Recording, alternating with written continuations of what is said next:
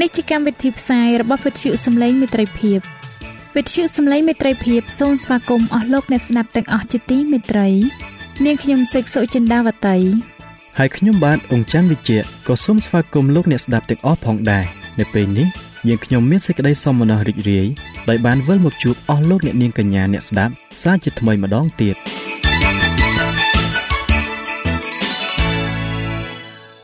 ចា៎លោកអ្នកស្ដាប់ជាទីមេត្រី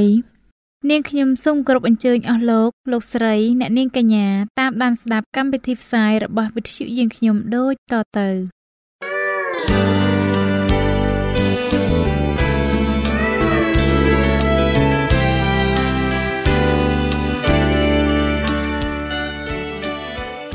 ព្រះបន្ទូលសម្រាប់អ្នកនៅថ្ងៃនេះ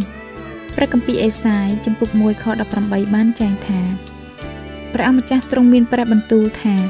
មកចុះយើងនឹងពិភាក្សាជាមួយគ្នាទោះបើអំពើបាបរបស់ឯងដូចជាពណ៌ក្រហមតែងក៏ដោយគង់តែនឹងបានសដូចហេមៈទោះបើក្រហមឆ្អៅក៏ដោយគង់តែនឹងបានសដូចរោមជាមវិញ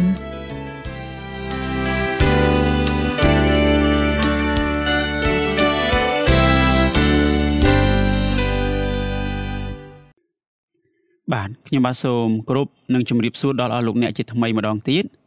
សូមគោរពនិងស្វាគមន៍ដល់អស់លោកអ្នកដែលបានចូលរួមស្ដាប់នៅមេរៀនសបាស្គូលសម្រាប់សប្តាហ៍នេះដែលមេរៀនរបស់យើងនៅពេលនេះ មានចំណងជើងថា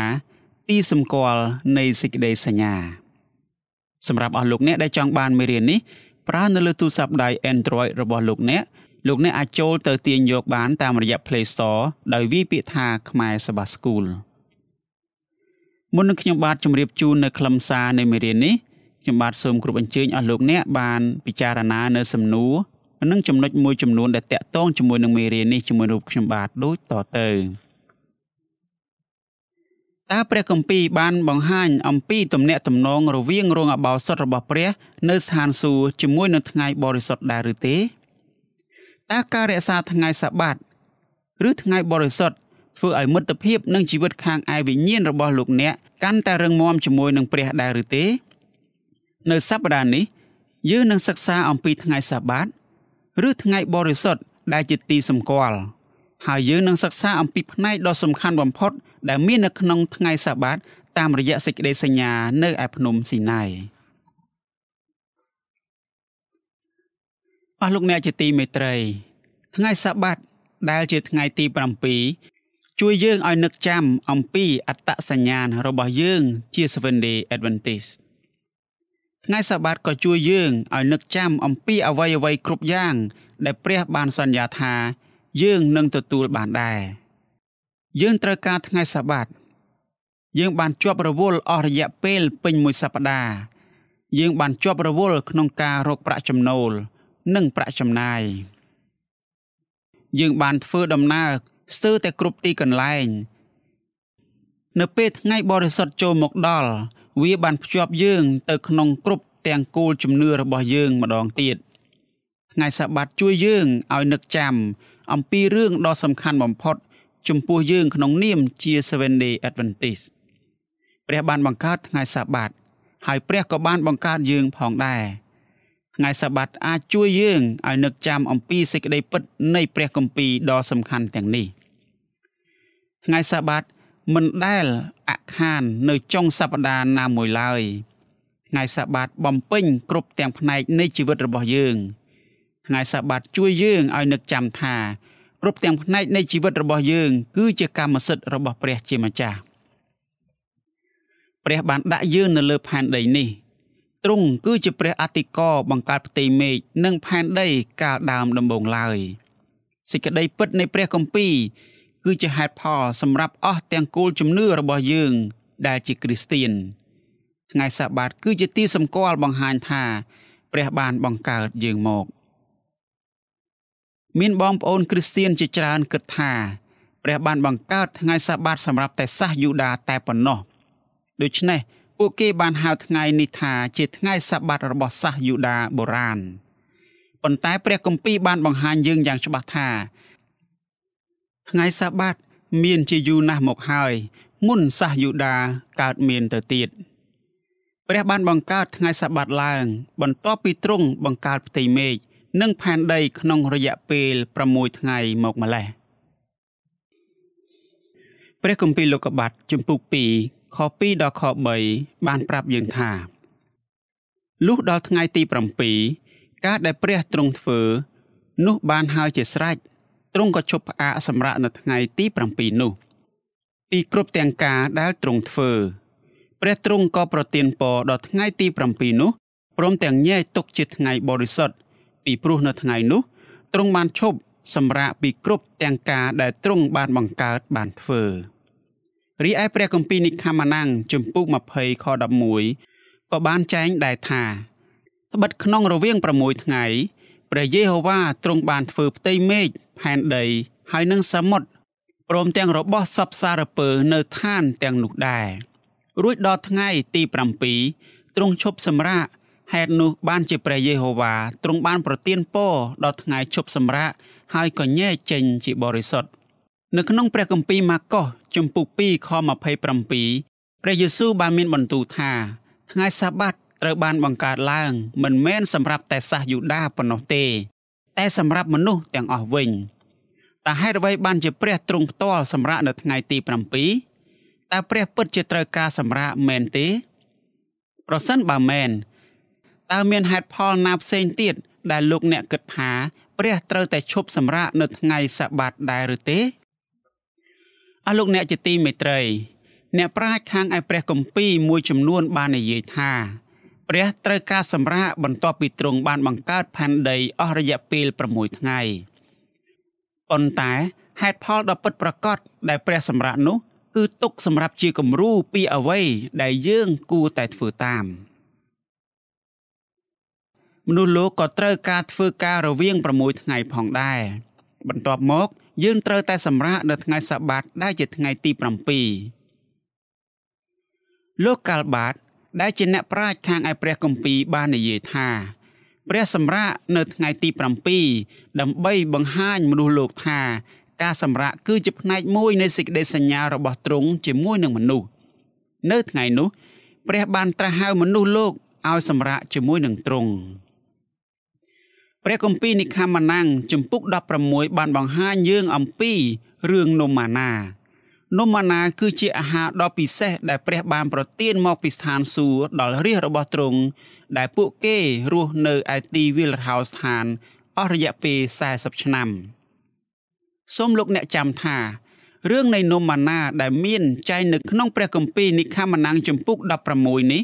បានកើតឡើងមុនព្រឹត្តិការណ៍នៅឯភ្នំស៊ីណាយទៅទៀតសូមយើងក្រឡេកមើលនៅមេរៀនដែលយើងអាចរៀនចេញពីរឿងនេះបាន ទី1 សាសអ៊ីស្រាអែលមានកម្រិតក្នុងការទទួលនំម៉ាណាជារៀងរាល់ថ្ងៃ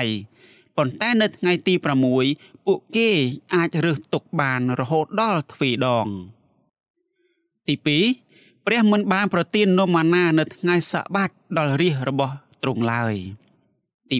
3ព្រះបានធ្វើការអស្ចារ្យនៅថ្ងៃសុក្រដើម្បីថែរក្សានំម៉ាណាមិនឲ្យខូចនៅថ្ងៃសបាត ប៉ុន្តែនំម៉ាណាដែលនៅសេសសល់នៅថ្ងៃដទៃផ្សេងទៀតនឹងត្រូវខូចបង់មិនអាចទទួលទានបានឡើយព្រះគម្ពីរនិខមណាំងជំពូក16ខ23ដល់ខ28បានចែងថាតែលោកឆ្លើយថា នោះគឺជាសេចក្តីដែលព្រះយេហូវ៉ាទ្រង់បង្គាប់មកទេត្បិតថ្ងៃស្អែកជាថ្ងៃសម្រាកគឺជាថ្ងៃឈប់សម្រាកបរិសុទ្ធថ្វាយព្រះយេហូវ៉ាអាហារណាដែលត្រូវដុតនោះឲ្យដុតចុះ ហើយអាហារណាដែលត្រូវស្ងោរក៏ឲ្យស្ងោរទៅឯអាហារដែលនៅសល់នោះត្រូវទុកដល់ព្រឹកឡើង សម្រាប់អ្នករាល់គ្នា គេក៏ទុកដល់ព្រឹកតាមបង្គាប់ម៉ូសេតែនំនោះឥតមានធំក្លិនស្អុយអ្វីទេ ដង្កូវក៏មិនបានកើតដែររួចម៉ូសេប្រាប់ថាត្រូវបរិភោគសំណល់នោះ នៅថ្ងៃនេះបិទជាថ្ងៃឈប់សម្រាកថ្វាយព្រះយេហូវ៉ាថ្ងៃនេះ អ្នករាល់គ្នានឹងរកនៅឯវាលទៀតគ្មានទេ អ្នករាល់គ្នានឹងរើសនំនេះ បានតែក្នុងរវាង6ថ្ងៃលុះដល់ថ្ងៃទី7នោះគ្មានទេព្រោះជាថ្ងៃឈប់សម្រាកនៅថ្ងៃទី7ក៏មានអ្នកខ្លះចេញទៅរើសនំនោះដែរតែរកគ្មានសោះនោះព្រះយេហូវ៉ាទ្រង់មានបន្ទូលនឹងម៉ូសេថាតើឯងរាល់គ្នាមិនព្រមធ្វើតាមបញ្ញត្តិហើយនឹងច្បាប់របស់អញដល់កាលណាទៀតអស់លោកអ្នកជាទីមេត្រី តើរឿងនេះបង្ហាញយើងថាថ្ងៃសបាតជាថ្ងៃបរិសុទ្ធមុនពេលដែលព្រះប្រទានក្រឹតវិន័យដល់រាជរបស់ទ្រង់នៅឯភ្នំស៊ីណាយយ៉ាងដូចម្ដេចប្រកាសណាស់ព្រះបានបង្ហាញរាជរបស់ទ្រង់ថាថ្ងៃទី7គឺជាថ្ងៃសបាតព្រះបានប្រទានថ្ងៃសបាតដល់សាសអ៊ីស្រាអែលទុកជាព្រះពរបណ្ដាជន បានឈប់សម្រាកនៅថ្ងៃទី7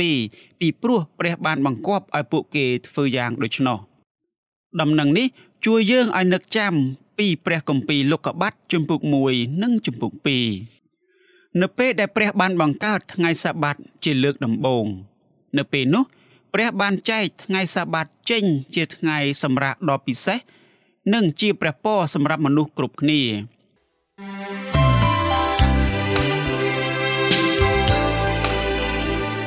សេចក្តីជំនឿកើតឡើងដោយលឺ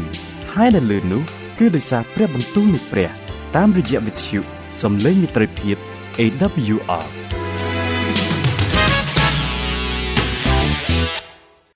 អរលោកអ្នកជាទីមេត្រីព្រះគម្ពីរនិខាម៉ាណាំងជំពូក31ខ16ដល់ខ17បានចែងថា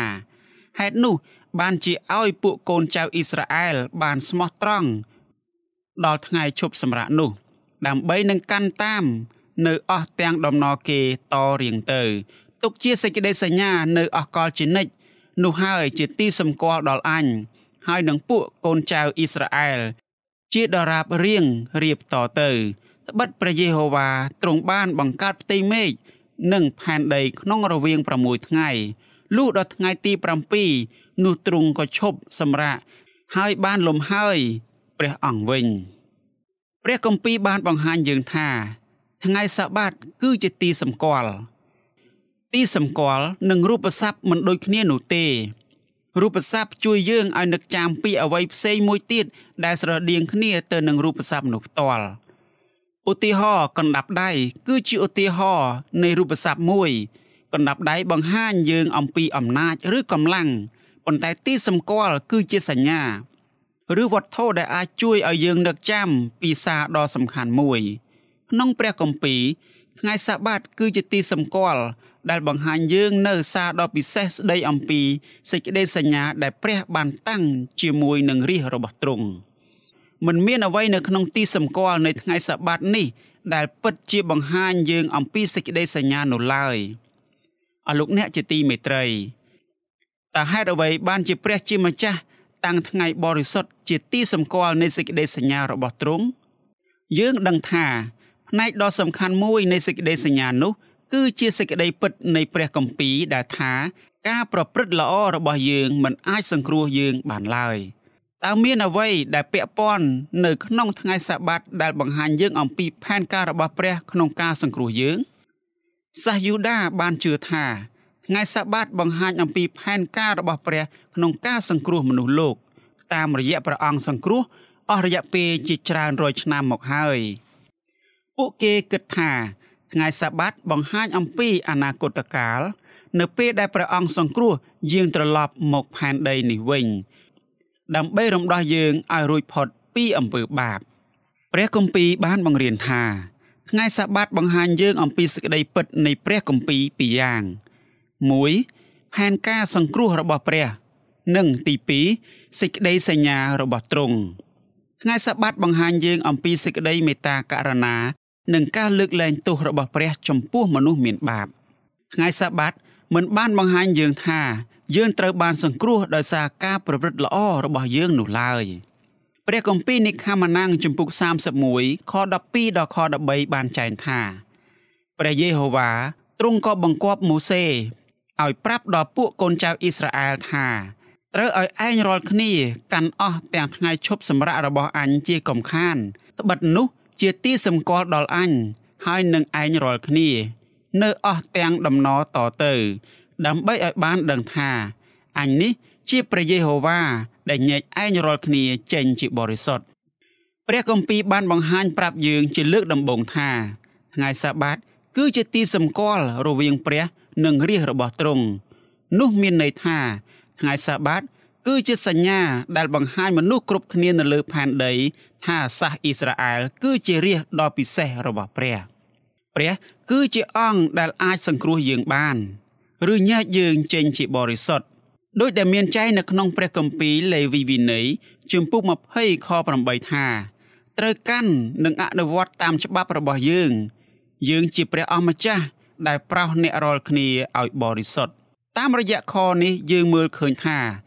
ថ្ងៃសាបាត គឺជាទីសម្គាល់ដែលបង្ហាញយើងថា ព្រះគឺជាអង្គដ៏បរិសុទ្ធដែលញែកយើងចេញជាបរិសុទ្ធព្រះបានប្រទានថ្ងៃសាបាតដល់មនុស្សលោកដើម្បីជួយពួកគេឲ្យនឹកចាំថាទ្រង់គឺជាបុគ្គលម្នាក់ដែលបានបង្កើតផ្ទៃមេឃនិងផែនដីថ្ងៃសាបាតគឺជាទីសម្គាល់បង្ហាញយើងថា ព្រះបានញែកយើងចេញជាបរិសុទ្ធព្រះគម្ពីរនិខាម៉ានាំងចំពុក20ខ8បានចែងថា ចូលនឹកចាំពីថ្ងៃឈប់សម្រាកដើម្បីញែកថ្ងៃនោះចេញជាបរិសុទ្ធអស់លោកអ្នកជាទីមេត្រី ថ្ងៃសាបាតគឺជាទីសម្គាល់ជួយឲ្យយើងនឹកចាំអំពីសារៈសំខាន់ពីសេចក្តីពិតនៃព្រះគម្ពីរពាក្យថានឹកចាំបង្ហាញយើងអំពីអ្វីអ្វីគ្រប់យ៉ាងដែលព្រះចង់ឲ្យយើងនឹកដល់ព្រះចង់ឲ្យយើងនឹកចាំអំពីស្នាមព្រះហស្ថដ៏អស្ចារ្យរបស់ទ្រង់សម្រាប់យើងកាលពីមុនឥឡូវនេះនិងនៅពេលអនាគត ចំណុចទី1យើងត្រូវនឹកចាំអំពីអ្វីដែលព្រះបានធ្វើកាលពីមុនថ្ងៃសាបាតជួយយើងឲ្យនឹកចាំថាព្រះបានបង្កើតផ្ទៃមេឃនិងផែនដីក្នុងរយៈពេល6ថ្ងៃនៅថ្ងៃចុងក្រោយនៃអាទិត្យនោះព្រះបានឈប់សម្រាកនៅថ្ងៃសាបាតព្រះបានធ្វើឲ្យថ្ងៃសាបាតคล้ายទៅជាថ្ងៃសម្រាកដ៏ពិសេសជារៀងរាល់អាទិត្យថ្ងៃសាបាតគឺជាពេលវេលាដ៏ពិសេសដែលយើងអាចចំណាយពេលជាមួយនឹងព្រះ ចំណុចទី2យើងត្រូវតែនឹកចាំ អំពីអ្វីអ្វីគ្រប់យ៉ាង ដែលព្រះបានធ្វើសម្រាប់យើងនៅពេលឥឡូវនេះ យើងអាចបង្ហាញព្រះថា យើងនឹកចាំដល់ទ្រង់តាមរយៈការញែកថ្ងៃសបាតចេញជាបរិសុទ្ធទី3យើងត្រូវតែនឹកចាំអំពីអ្វីអ្វីដែលព្រះនឹងធ្វើសម្រាប់យើងនៅពេលអនាគតទៀតអ្នកណាដែលរក្សាថ្ងៃសបាតឲ្យបានជាបរិសុទ្ធនៅពេលនេះ ពួកគេនឹងទទួលបានអនាគតដ៏ស្រស់បំព្រង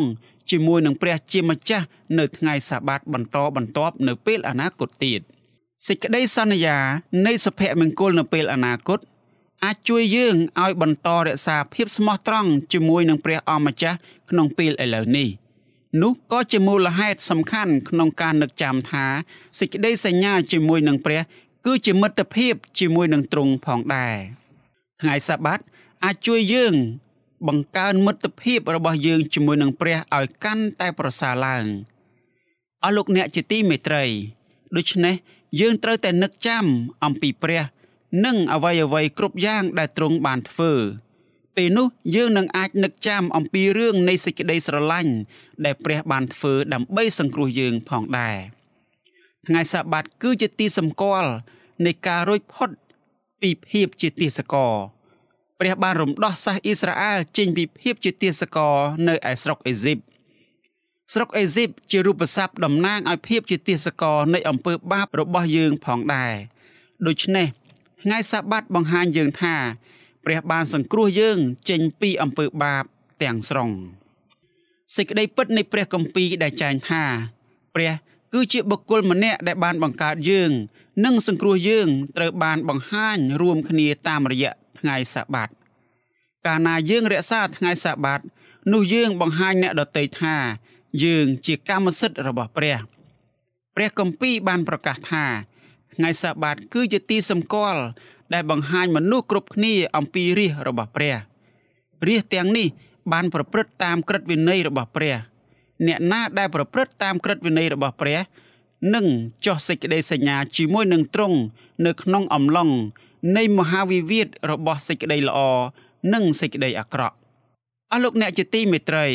ក្រឹតវិន័យ10ប្រការបានប្រាប់យើងយ៉ាងពេញលេញអំពីផែនការរបស់ព្រះសម្រាប់មនុស្សលោកក្រឹតវិន័យទាំងនេះបានបង្ហាញយើងអំពីរបៀបដែលយើងត្រូវស្រឡាញ់ព្រះ និងស្រឡាញ់មនុស្សក្រឹតវិន័យដែលជាស្នូលនៃក្រឹតវិន័យ10ប្រការនោះ គឺជាក្រឹតវិន័យថ្ងៃសាបាតថ្ងៃសាបាតបង្ហាញយើងអំពីចំណុចសំខាន់ពីរយ៉ាង 1ព្រះជាម្ចាស់នៃថ្ងៃសាបាត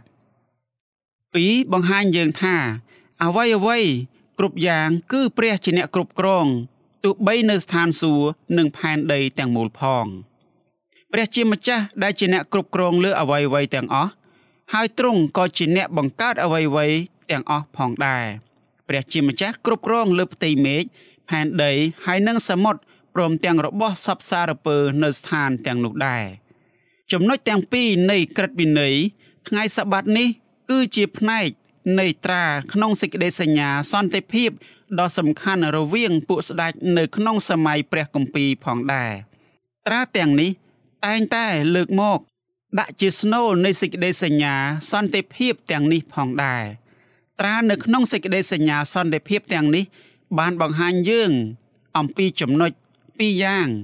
1 ឈ្មោះរបស់ព្រះបាលដែលត្រូវបានថ្វាយបង្គំដោយស្ដេចមួយអង្គនិង2តំបន់ដែលព្រះបាលនោះជាម្ចាស់គ្រប់គ្រងតំបន់នេះតែងតែសំដៅទៅលើប្រទេសមួយឬព្រំដែនដីដទៃទៀតអស់លោកអ្នកជាទីមេត្រីថ្ងៃសាបាតជាថ្ងៃទី7និងបង្ហាញមនុស្សគ្រប់គ្នាថា អ្នកណាជាអ្នកស្មោះត្រង់និងមិនស្មោះត្រង់ជាមួយនឹងព្រះជាម្ចាស់នៃយើង មនុស្សដែលចង់បានត្រារបស់ព្រះ ពួកគេនឹងដាក់ចិត្តដាក់កាយរក្សាថ្ងៃសាបាតឲ្យបានជាបរិសុទ្ធនេះជាក្រឹតវិន័យទី4នៅក្នុងក្រឹតវិន័យរបស់ព្រះអស់លោកអ្នកជាទីមេត្រីសូមព្រះជាម្ចាស់ប្រទានព្រះគុណនិងសេចក្តីសុខសាន្តដល់អស់លោកអ្នកគ្រប់គ្រប់គ្នាមុននឹងខ្ញុំបាទជម្រាបលាអស់លោកអ្នកនៅពេលនេះខ្ញុំបាទសូមលើកយកនៅខព្រះគម្ពីរមួយមកអានជូនដល់អស់លោកអ្នកទាំងអស់គ្នា គឺព្រះគម្ពីរនិខាម៉ាណាំងជំពូក31ខ16ដែលបានចែងយ៉ាងដូចនេះថាហេតុនោះ បានជាត្រូវឲ្យពួកកូនចៅអ៊ីស្រាអែលបានស្មោះត្រង់ដល់ថ្ងៃឈប់សម្រាកនោះ ដើម្បីនឹងកាន់តាមនៅអស់ទាំងដំណរគេតរៀងទៅទុកជាសេចក្តីសញ្ញា នៅអកលជានិច្ចសូមព្រះជាម្ចាស់ប្រទានសេចក្តីសុខសាន្តនិងសេចក្តីមេត្តាករុណាដល់អស់លោកអ្នកគ្រប់គ្នា ដែលបានសម្រេចចិត្តអនុវត្តតាមសេចក្តីបង្គាប់ដែលលោកអ្នកបានស្ដាប់ឮនៅថ្ងៃនេះអាមែន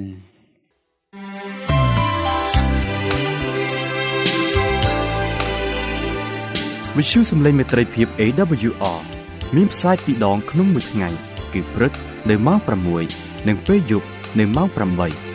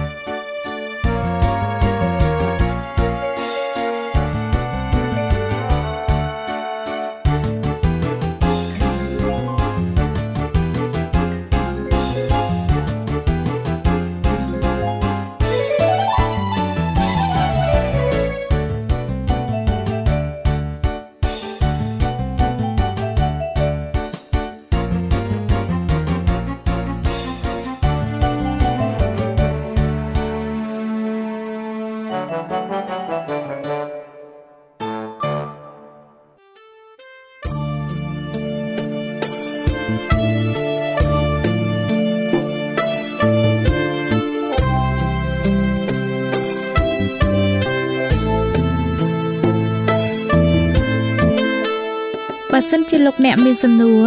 ឬសំណុំពរអ្វីសូមតាក់ទងមកការិយាល័យវិទ្យុយើងខ្ញុំ តាមអាស័យដ្ឋានផ្ទះលេខ15ផ្លូវលេខ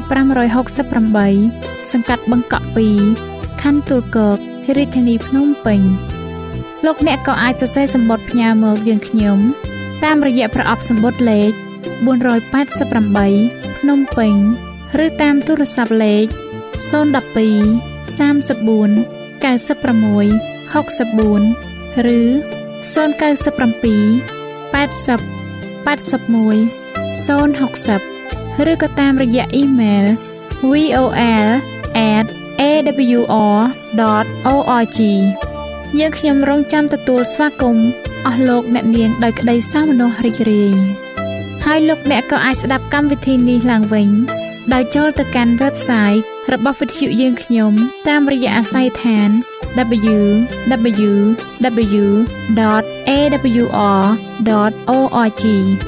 លោកអ្នកនាងកញ្ញាជាទីមេត្រី កម្មវិធីផ្សាយរបស់វិទ្យុសំឡេងមេត្រីភាពនៅពេលនេះសូមបញ្ចប់តែប៉ុណ្ណេះ